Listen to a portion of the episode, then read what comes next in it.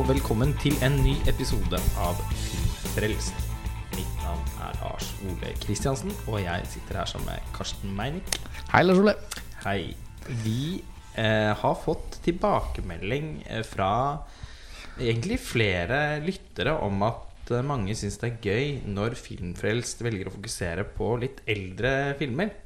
Eh, Og som kjent bruker vi jo ganske mye filmfredstid på å ta pulsen på festivalfilmen og det som er Kinoaktuelt, osv. Så, så, og vi syns jo selv alltid at det er veldig gøy. Så når vi får en uh, ypperlig anledning, sånn som vi både hadde forrige uke og denne uken, til å snakke om en film som vises på cinematekene, så føles det gøy å gripe den. Ja, og så er det så gøy å få en sånn type tilbakemelding fordi, eh, som du sier, det er jo egentlig så mye i filmhistorien som det er en glede å gå tilbake til hvis man er interessert. Og ikke minst gå inn i for første gang. for nå skal vi jo, er jo tilfellet med Funny Face, Nettopp. som vi skal snakke om i denne episoden. da Stanley Donans 'Funny Face', en film fra 1957, som er en sånn klassisk Hollywood-musikal fra 50-tallet, eh, er en film som ingen av oss to har sett før, og som nå eh, er hentet fram og skal vises på cinematekene. Og det var liksom så mange bra ting som kom sammen på en gang. Denne tilbakemeldingen fra en lytter som ønsket flere, filmer, flere episoder om gamle filmer. Og også gleden vi har over å snakke om gamle filmer. Og da var det noe sånn Ok, men nå kommer 'Funny Face'. Den har ingen av oss sett. Nei Og vi har jo diskutert litt, fordi ingen av oss har heller følt at det er en sånn En klassiker med stor K. Det er en, en film fra gamle dager som Jo, men det er en film fra gamle dager som vi ser at er der. Og, og det er jo tre sånne hovedpunkter, på en måte innfallsvinkler til filmen. Eh, Stanley Donan, regissøren, som også regisserte 'Singing in the Rain'. Og Charade. Og Det er Charade. de to filmene han er mest Ja, for. og 'Singing in the Rain' var jo korregissert med Gene Kelly, så han har på en måte ikke først Han kan ikke eie den filmen helt alene. Og Stanley Donan har ikke, en så, mange, har ikke så mye annet i filmografien sin som står seg som sånne store klassikere. Og så er det jo Audrey Hepburn. Som føles som en autørmessig del av alle filmene hun har spilt i. Man kan aldri snakke om det som en Audrey Hepburn-film. Å, skal vi se en Audrey Hepburn-film? Bla, bla, bla, bla, bla. Og så er det Fred Astaire, som er jo ganske gammel i denne filmen. Han er vel 58, tror jeg. Ja, jeg er overrasket over hvor gammel han Nå hadde jo han holdt det gående siden altså, Tidlig på 30-tallet. vært på lerretet Siden 30-tallet. Eh, Så det er i og for seg ikke så rart, ettersom filmen da er fra 1957. Men eh, det er jo et par litt corny elementer knyttet til det, ettersom det er en, viser seg å være en kjærlighetshistorie. Ja, og Audrey Hepburn er vel 26 eller 27. Når, Ja, og men ser enda yngre ut. Så. tre tiår eldre enn Det skal vi komme tilbake til. Det er jo en av de tingene som er interessant å diskutere. Hvordan det føles i filmen. Men ingen av oss hadde altså sett uh, Funny Face, og nå skal den kjøres på Cinemateken, og det var veldig gøy. Uh, som det alltid er. Føler jeg vi to deler. Uh, gleden av å bare sette seg ned og se en film, om den er gammel eller ny. Og nå følte jeg altså at Stanley Donan var ikke helt en inngang sånn personlig for noen av oss. Charade eh, har jeg Det var en av de liksom, Det var en litt sånn hyggelig overraskelse da jeg satte meg ned med den for noen år siden. Og, og um, Sing in the Rain er jo på en måte Det er jo en ekte klassiker. Ja. Men jeg føler, jeg føler liksom ikke at Stanley Donan Jeg vet ikke Jeg syns han er en sånn uhåndgripelig type regissør å snakke om som et eget sånn fingeravtrykk. Så for meg var det veldig sånn en av de Audrey Hepburn-filmene jeg ikke har sett. Endelig. Ja. Og jeg har ikke noe sånn veldig nært forhold til Audrey Hepburn. Og heller eh, ikke til Fred Astaire. Så, så, så eh, Men jeg er glad i musikal. Ja, fordi glad i det er vel egentlig den fjerde tingen. Det var kanskje litt feil å si at det bare er tre innganger. Det er jo selvfølgelig uansett ikke helt sant, men det er i hvert fall de tre navnene da som er veldig sånn eh, på toppen av plakaten når det kommer til eh, Funny Face. Men det er jo en sånn old school musikal. Ja, det er det. Og den har det var jo morsomt, vi har, Det er ikke så lenge siden sist vi snakket om en musikal på Filmfrelst. For vi tok jo opp en episode som handlet om eh, La La Land i, under filmfestivalen i Venezia. Og det er jo en Altså, den den, dens støpning, på en måte, Ja. eh, minner jo veldig mye om Om eh, type en film som Funny Face. Ja, jeg Altså, tenkte på den nesten med en gang. Ja, det gjorde jeg òg. den har jo La La Land har jo da en sånn veldig sånn retrofil, men og den har en sånn liksom cool attitude og en tone som preges av en stund i hvert fall av et veldig sånn uanstrengt overskudd. Det er noe jeg føler at er den liksom ypperste kvaliteten ved noen av de gamle Hollywood-musikalene, så er det en sånn tatt for gitthet rundt at publikum elsker det filmen holder på med. Det er på en måte som om filmen sier Altså, jeg vet jo at dere syns at dette er kjempegøy, så nå skal jeg bare vise dere enda litt mer. Og denne filmen er liksom sånn fra Altså fra første scene så bare sier den 'hei'! Ja. Og det er utrolig herlig å være i filmen. Og det er bokstavelig talt sånn at hver gang noen bryter ut i sang, så er det bare en sånn selvfølgelighet at nå kommer dette sangnummeret som dere egentlig Vi skal ikke bry dere med dialog. Vi skal gå rett på sangnummer så tidlig som mulig, sånn at dere skal få følelsen av at dere er inne i den musikalen som, som du beskrev nå. Er det dere har kommet hit for å se, og dere skal få det. Altså Sangene er litt, sånn morsomt, litt morsomt skrevet, for de er ofte veldig overtydelige i måten å fortelle understreke et poeng på. Men sånn, jeg syns kanskje den første var jo på en måte erkeeksempelet på det. Da Fordi plottet, eller ikke plottet, men ok det, vi, det første vi ser, er liksom kontorene til et motemagasin i New York. Et, et fashionblad som heter Quality Magazine, og det skal henvende seg til America's Women. Og liksom sånn og sånn Og hun eh, sjefsredaktøren, som minner jo litt om The Devil Wears Prada. ikke sant? Den stilen er litt sånn Litt eldre og litt streng. Og hun bryter ut i sang når hun innser at Nei, det er rosa.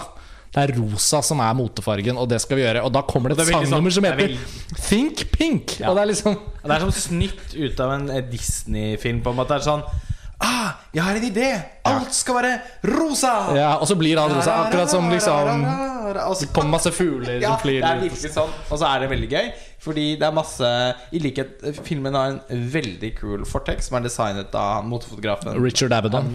Mm. Og eh, det er også noen sånn grafiske elementer i, i omløp i denne første sangsekvensen som er av samme stil som fortekstene. Som er veldig kule og morsomme. Det er akkurat som filmen er en pastisj over den perioden som den utspiller seg. Ja, det er veldig rart. Jeg sa vel høyt til deg når vi så den, at jeg syntes sånn Det er liksom, det er liksom helt uten ironi. Og så hørte jeg meg selv si det, og så tenkte jeg Vent litt, det er ikke helt sant. For den har, på, ja, For, for den den har jo også veldig mye litt.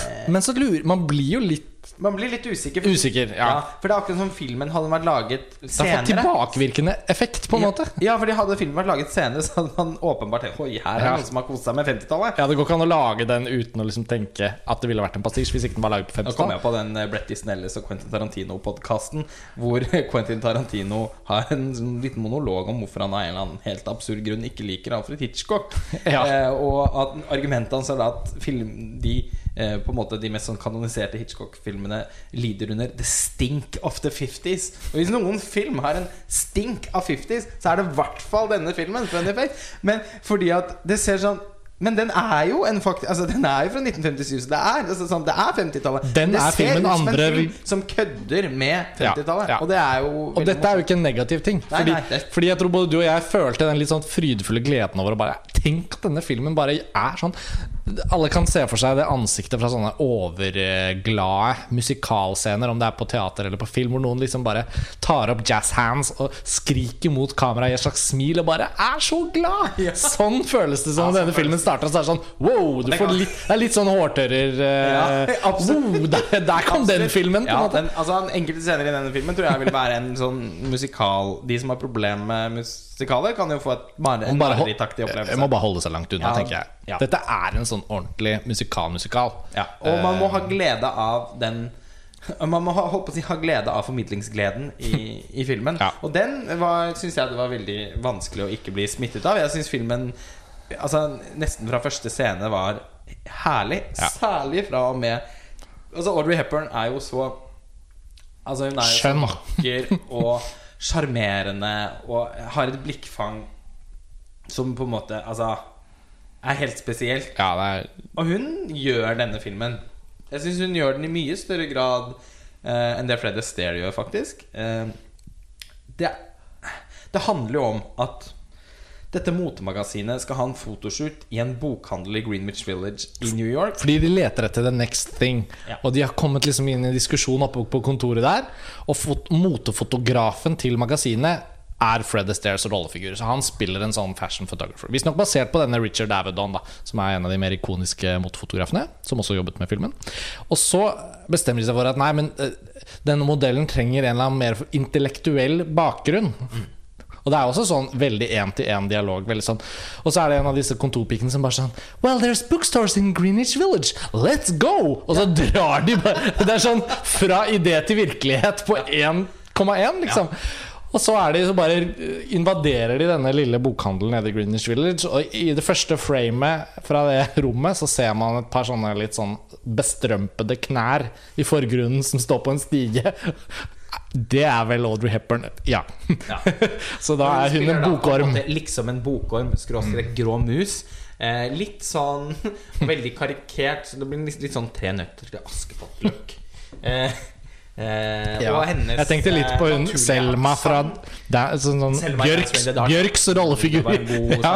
Bjørks rollefigur i 'Dancer in the Dark'. Hun er riktignok ikke så glad i bøker fordi hun er blind, men Jo, men bare sånn fremtoningsmessig, da. Du skjønner jo hva jeg mener. jeg skjønner veldig godt hva du mener og syns Det er ikke umulig at Lars von Trier har sett Funny Face. Bare sånn apropos. Nei da, og 'Dancer in the Dark' er jo også musikal, så Ja, her ja, parallellene kommer strømmende. Ja. Eh, men altså, Audrey Hepburns naturlige aksent gjør jo også at hun får et snev av Øst-Europa over seg. Mm, hun føles ikke Som, amerikansk. også, som også gjelder Selma i Dance Street. Det er sånn. Her er parallellene. Kanskje er det egentlig.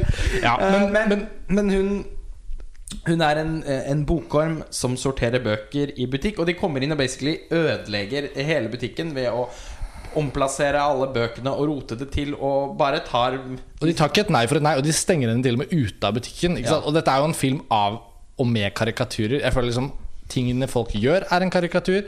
Hvordan folk ser ut, er som regel en karikatur.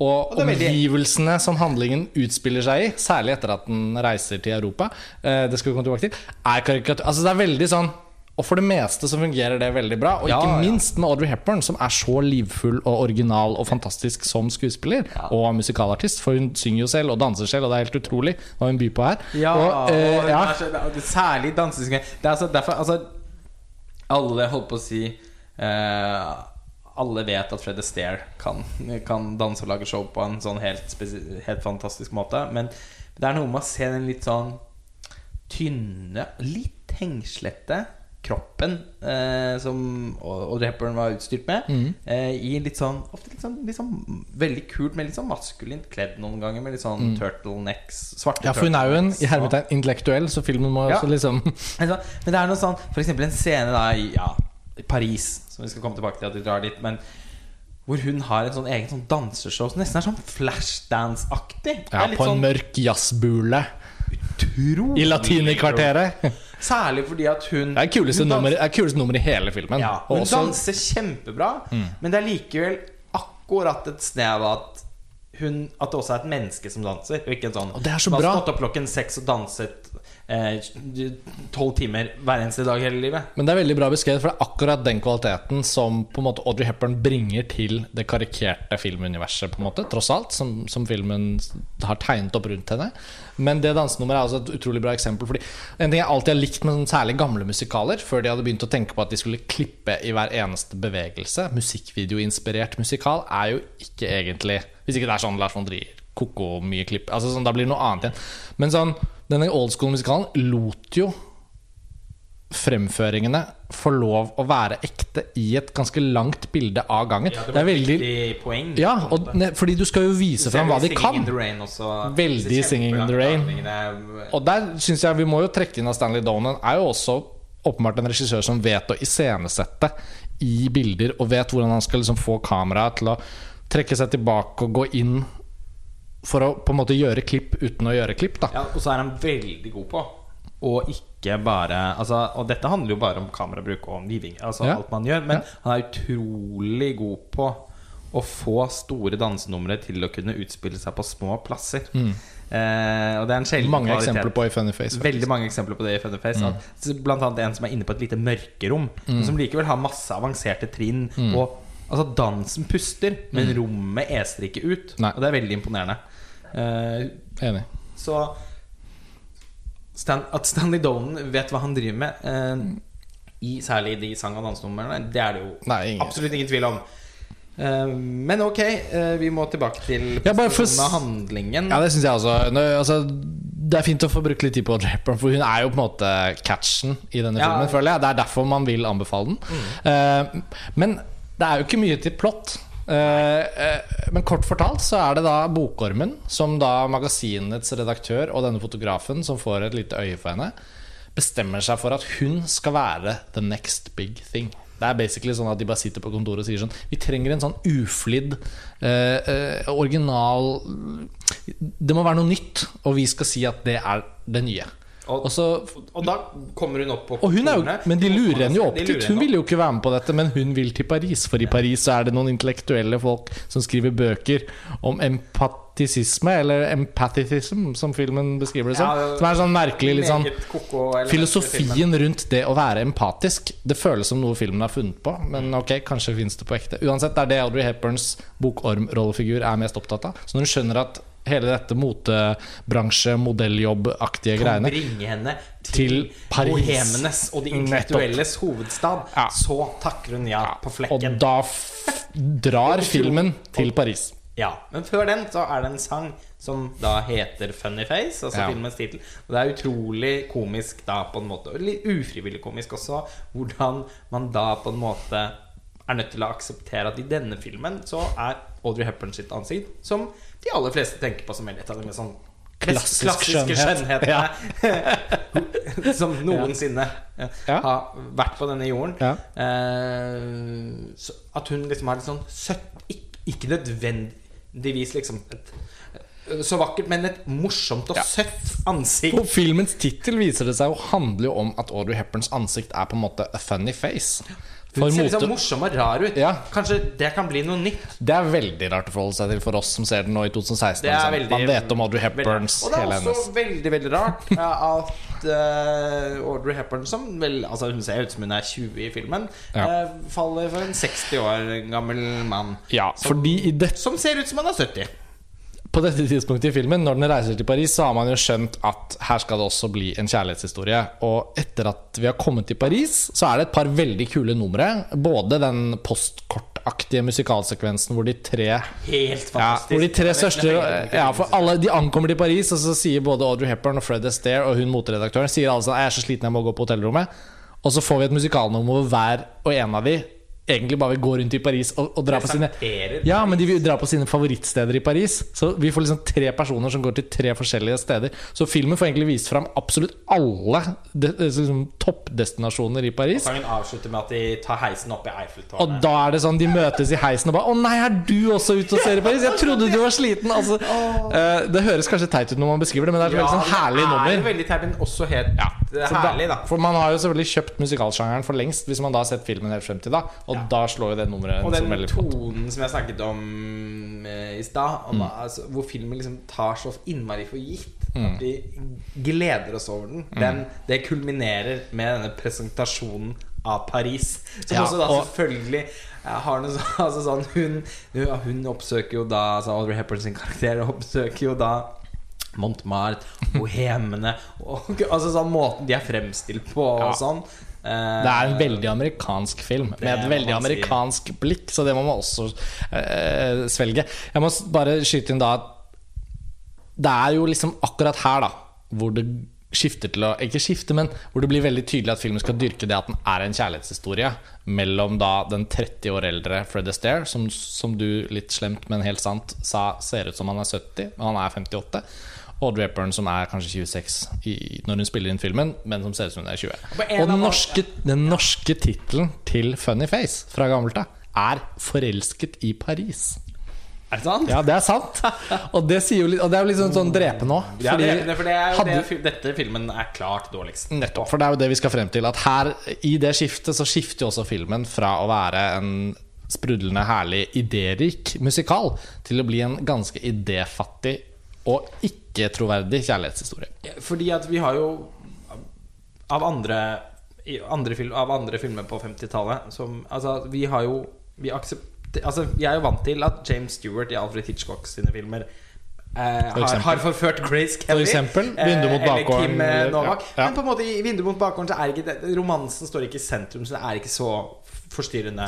Eh, I Vertigo så er det heller på en måte ikke en romanse, bare en, sånn, en, en besettelse som er så eh, skrudd og, og forstyrrende og, og morbid at Mm. den altså, ikke handler om kjærlighet eller forelskelse i det hele tatt. Men i denne filmen så skal det på en måte være to turtelduer som kvitrer rundt i Paris, Mm. Ja. og som ikke har noen særlig kjemi. Altså Jeg opplever jo at det meste av liksom, kjærlighetskommunikasjonen mellom de to Den blir jo da for, formidlet i liksom slags sang- og dansenumre. Og øh, særlig fra hans side så føles det såpass sånn såpass mye som en forestilling Mm. som, eh, som på en måte slutter idet teppet går ned. Mm. Ok, ja, men hvor var vi igjen? Og så har man jo hørt historier om eh, motefotografer som innynder seg med sine yngre modeller. Men de er jo nesten alltid ganske mørke, jævlige historier. Altså Man kan jo se for seg en type som Larry Clark, eh, som er jo også fotograf. Kanskje ikke motefotograf, men fotograf og regissør. Terry også. Eller Terry Richardson, som har disse motbydelige relasjonene til yngre kvinner. Man tenker bare sånn «Uh, Ja, jeg liker kids, men liker jeg hvem Larry Clark er? Ja ja, jeg trenger vel ikke måtte forsvare Larry Clark bare fordi jeg liker en film. Men hvis man skulle dratt en sånn vinkling på Funny Face, som jo egentlig sikkert er den realistiske Hvis man skulle Så ville jo det passet veldig dårlig med hva filmen selv ønsker å presentere. For Fred Astaire frem, fremstår jo her som bare den triveligste fyren. som gir Audrey Hepburn en mulighet. Og så blir det, oppstår det søt musikk, og så er det jo litt misforståelser og sånn på veien, men, men tross alt så.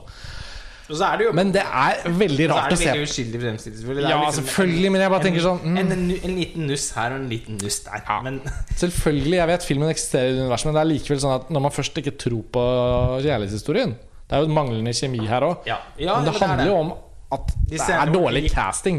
Fred Astaire burde faktisk ikke spilt den rollefiguren. Og det er vanskelig Og når filmen etter cirka, omtrent akkurat halvveis Jeg så Ja. på altså sånn, Ja. Når det hadde gått 50 minutter, da var det litt som om filmen var tom for ideer, og tom for det overskuddet som den har innledningsvis. Og som i seg selv er så herlig at det gjør filmen verdt å se.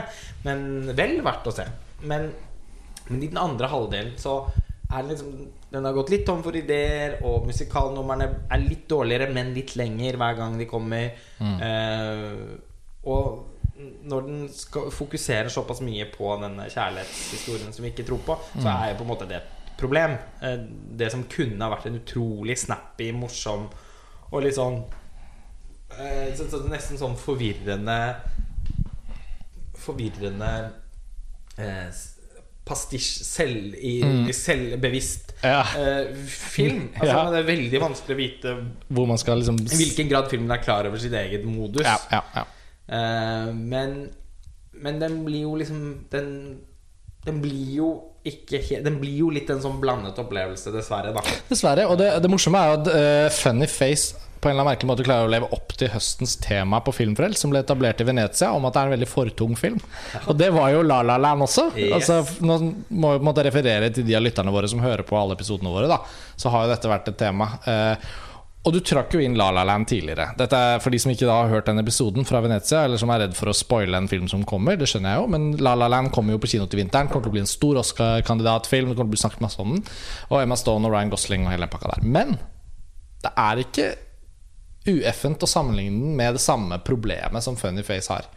Og en ting som jeg husker du poengterte, og som jeg var veldig enig med deg i, eh, angående La La Land, var at et problem med castingen av Ryan Gosling er at han klarer ikke å akseptere den liksom totale hengivelsen som en musikalsjangerfilm krever. Han er litt for kul for La La Land. Er litt for kul for den filmen. så det er noen musikalnummer i La La Land som er sånn ganske fine. Men hvis man klarer å se forbi den der litt overfladiske hinnen av at filmen er kul, så ser man at Ryan Gosling inni det bildet står og tenker at han er selv litt for kul for det bildet i den filmen han er i. Uh, og den er veldig fortung på samme måten. Den går også tom for ideer, basically. Og så sitter den igjen med en ganske sånn basic kjærlighetshistorie, eller sånn drømmer om å komme til LA-historie. Kjærlighetshistorie Kjærlighetshistorier på film er jo dessverre på en måte litt overvurdert. Og- eh, ja, det er det. Fordi det er ofte kjedelig. Altså sånn Og så er kjærligheten mye mer komplisert enn det de filmene får til. Så da må man enten fortelle det Sånne overfladiske, heteronormative eh, kjærligheter eh, Kjærligheter, sier jeg. Kjærlighetsfortellinger om altså, Da må kjemien være helt utrolig god, og da kan ja, man være med på det. Og da kan det jo være kjempegøy. Mm. Bare, altså, det, det alene kan være nok. Men hvis ikke det elementet er der Mm. Og det var ikke helt der i La La heller. For kjemien mellom Emma Stone og Ryan Gosling var bare helt ok. Mm. Og, og, og kjemien mellom eh, Fred Astaire og Audrey Hepburn er litt mindre enn ok. Ja, altså Det man må ha i en sånn kjærlighetshistorie Man må ha er litt fraværende. Ja, og jeg føler eksempel i Funny Face Så er det Det fins ikke noe klasseperspektiv. Det er bare tull og ironisering med at hun er en såkalt intellektuell. Og så tuller de det bort også ved at liksom filmen føles litt også som den er litt misogyn. Og liksom sånn. Her er den tullete lille jenta som tror hun skal til Paris og lese Ja, bøker. det- Det er ikke sånn- noe respekt og den- eller det, og, det er jo også da fortellingen om en mann som må forandre en kvinne. Altså Pygmalion-myten. Ja, det er veldig Eh. altså, sånn, Den har ikke noe av den interessante klassetematikken fra en film som f.eks. Dirty Dancing eller Titanic. eh, eller eh, Pretty Woman, for den saks skyld. Altså, hvis du tar noen av disse kjærlighetshistoriene som ikke. Virkelig har liksom grepet folk Funny Face og La La Land altså, må, det er liksom, Hvis de først skal prøve er jo på en måte ganske dust. Eh, Ja, men, det er vel det vi men- skal frem til. Men den er jo det på en måte som gjør at man At det er tydelig at den har en del selvironi, selv, selv om den er laget på 50-tallet. Og selv om den har noen av de trekkene ved amerikansk film på 50-tallet som med dagens øyne kan være litt problematisk, Eller datert. eller datert, eh, så virker det på en måte som at den har et blikk for det selv. Fordi hvis ikke så hadde den neppe overdrevet det i en sånn grad. Men eh, eh, og, det, og det føler jeg jo veldig lenge er en del av underholdnings... Altså noe, noe av det som virkelig er underholdende og gøy med, ved filmen. Men Men jeg vil bare skyte inn at jeg også syns det er noe litt dårlig eller litt ukritisk over den andre halvdelen. I tillegg til at Fred Astaire og The Hepburn Ok, det er en litt rar match, og, eller, og aldersproblemet, og at det mangler kjemi. Greit. Men filmen har også på en måte ved å caste Fred Astaire bundet seg til å la en så stor stjerne få vist fram det han er god på. Så det er noen helt utrolig ubegrunnede som ikke har noen ting med handlingen å gjøre, eller tematikken eller plott. Det er bare sånn flere minutter lange sekvenser, særlig to stykker, da hvor, hvor det basically handler om at man må la Fred Astaire få vist seg fram som musikalartist. For det er det de har kjøpt billett for å komme for å se. På en måte Og det var sikkert sant i 1957. Men i 2016, når det er, liksom, mest Audrey Hepburn, kanskje, som Og på det tidspunktet i filmen så har man jo også lyst til å se da handlingen bevege seg videre. For det har begynt å falle i kvalitet. De burde jo sakset bort flere av disse helt meningsløse I hvert fall plottmessig meningsløse numrene, og så bare kommet seg gjennom historien. Da Da ville man kanskje ikke fått så mye tid til å tenke over at nå er det blitt litt dårlig. Nei, det ville man ikke. Altså, dette er jo en film som helt fint kunne vært 82 minutter, på en måte. Istedenfor 1 time og 43. Ja. Eller 103 minutter. Uh, 20 minutter kan man klippe bort. Det Tror ikke hadde- du tenkt på det engang. nei. Fred Astaire imponerer jo egentlig fint i de andre numrene hvor han deler det med Audrey Hepburn eller hva som helst. Ja. Det holder jo, det. Ja.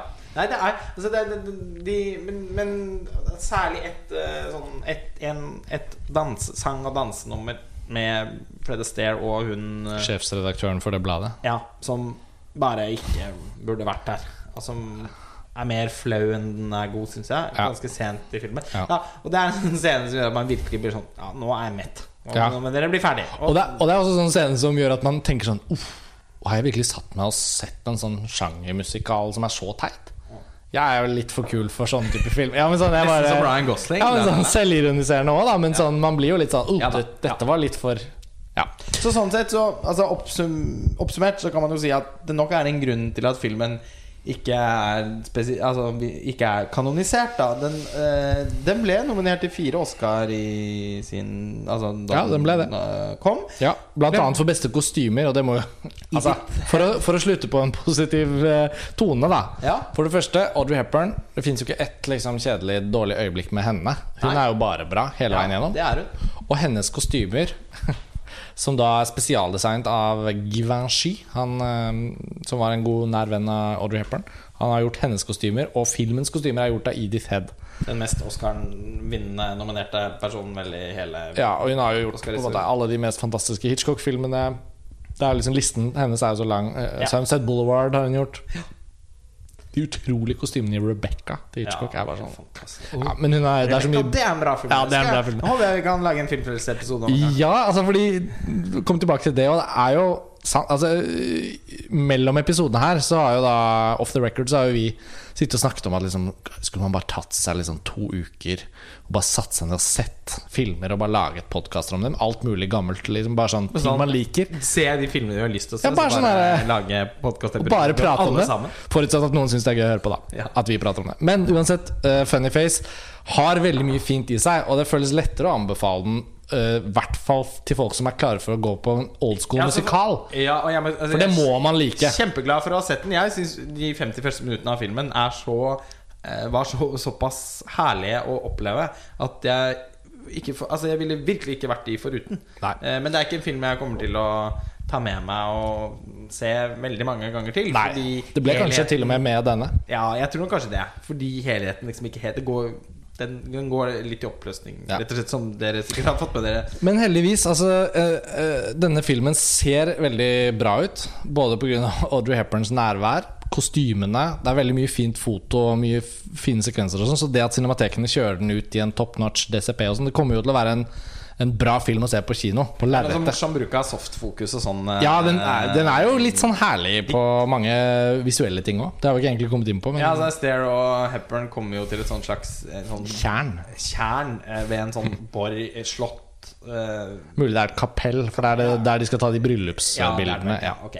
Ute på den franske landsbygda, og det er noe gjess, og det er svaner og, ja, og da er det liksom sånn Man har liksom bare tatt noe så, så smurt linsen inn med eh, Hvis For de av lytterne som har sett Brian De Palma sin film 'Obsession', Ja. så hele 'Obsession' ser sånn ut som den scenen her. Da, det er noen sånn diffusjonsfiltre som gjør at liksom lyset får sånn kremakt Eller ikke krem, men sånn det, liksom, det, det blir sånn det rart, sånn tåkeaktig skinn. Ja, for øvrig morsomt. Det blir jo absolutt en digresjon. Men 'Obsession' er jo en film som står ganske høyt i kurs hos mange De Palma-fans. Jeg er dog blant de som ikke syns det er en av hans beste filmer. Jeg har ikke sett den, bare erkjenne. Kanskje det blir en podkast om det nå. Men det var ja, Ja. det, men eh, veldig morsomt i den De Palma-dokumentaren til Noah Baumbach at når de kommer til den filmen, som er ganske tidlig i filmen og Brian De Palma bare, Fordi han går gjennom filmene sine Ja. kronologisk? Ja. ja. Og Brian De Palma bare ikke den. det er så morsomt. Han, Men han virker jo så, Brian De Palma virker så jævlig stolt. Jeg skulle ikke tro at han var misfornøyd med noen av sine filmer. Nei, det skulle man ikke tro, og det har man jo aldri fått inntrykk av, eh, av i andre intervjuer. Altså Han er jo et notorisk vanskelig intervjuobjekt, så derfor finnes det jo faktisk ganske få virkelig gode intervjuer med De Palma. I hvert fall fra senere i karrieren. Han var litt mer ydmyk og åpen og morsom eh, på, liksom, på 70-tallet. Uh, da han var new kid on the block. Men, uh, men det er på en måte det denne filmen liksom tar tilbake, føler jeg. At, altså det er jo da litt sånn første anledningen til at Brian De Palma i ro og mak og med en hyggelig, sånn morsom ja, altså Brian De Palma i godt humør, som sitter og, og snakker veldig åpent og ærlig, ofte ganske rørende, om sine egne Ja, på en måte både Styrker og svakheter. Styrker og svakheter og, og oppturer og, og mest nedturer. Og han er kjempekritisk. Eh, han, det er åpenbart, og det er jo vanlig, da, men det er sånn åpenbart han har mer, mindre problemer med å være kritisk til ting det er lenge siden han har laget, enn ting som er helt nytt. Men, eh, men fascinerende å se hvordan både filmer som 'Obsession' og 'The Fury', sånn som, som jeg jo er, er veldig Ja, jeg er kanskje enda større, litt større fan av The Fury enn jeg er av Obsession. Men eh, som han virkelig bare liksom oh, den er ikke vellykket. På grunn av det og det og det. altså Mens han kan en film som 'Casualties of War', eksempel, som, eh, som nesten er helt glemt, er han jo forferdet over at de ikke har fått mer. Veldig stolt av det, ja. Men nå skal vi jo ikke Nå ble jo dette Jo, men, jo, men hvorfor ikke? Altså, det diffusjonsfilteret som Stanley Donen putter på denne scenen av i Funnyface, det er jo i hvert fall det gir i hvert fall en sånn veldig følelse av impresjonistmalerne som satt ved et tjern og malte noe Piknik i parken-stemning eh, i gamle dager. Så Donen og fotografen prøver jo i visse sekvenser. Men ja, nok digresjoner og ditt og datt. Vi har fått snakket om Funnyface. Eh, og når det kommer til Brian De Palma-dokumentaren, så er jo den eh, tilgjengelig på DVD og Blu-ray fra USA. Den er dessverre ikke distribuert i Norge, men eh, når du først kom inn på den, så føltes det fint å nevne det. Og Den skal vi nå komme tilbake til, eh, nå som den er å få tak i. Og den gjelder for eh, 2016-årslistene. Eh, ja, I hvert fall for meg. og vi, vi jo Jeg har fortsatt ikke gitt opp håpet om at den på et eller annet tidspunkt skal vises på lerret i Oslo. Forhåpentligvis kanskje på cinematekene. Ja, vi krysser fingrene. Det var det for denne gang. Eh, takk for innspillet om at vi skulle snakke om flere eldre filmer. Eh, kom gjerne med andre ideer og forslag. Eh, men ikke kom med forslag om at vi skal gjøre ting vi har sagt vi skal gjøre tidligere. Fordi vi har ikke glemt listen over ting vi har lovet, uten å si konkret hva det gjelder. Eh, takk for at dere hører på Filmfrelst. Vi er tilbake ganske så snart. Eh, ha det bra. Ha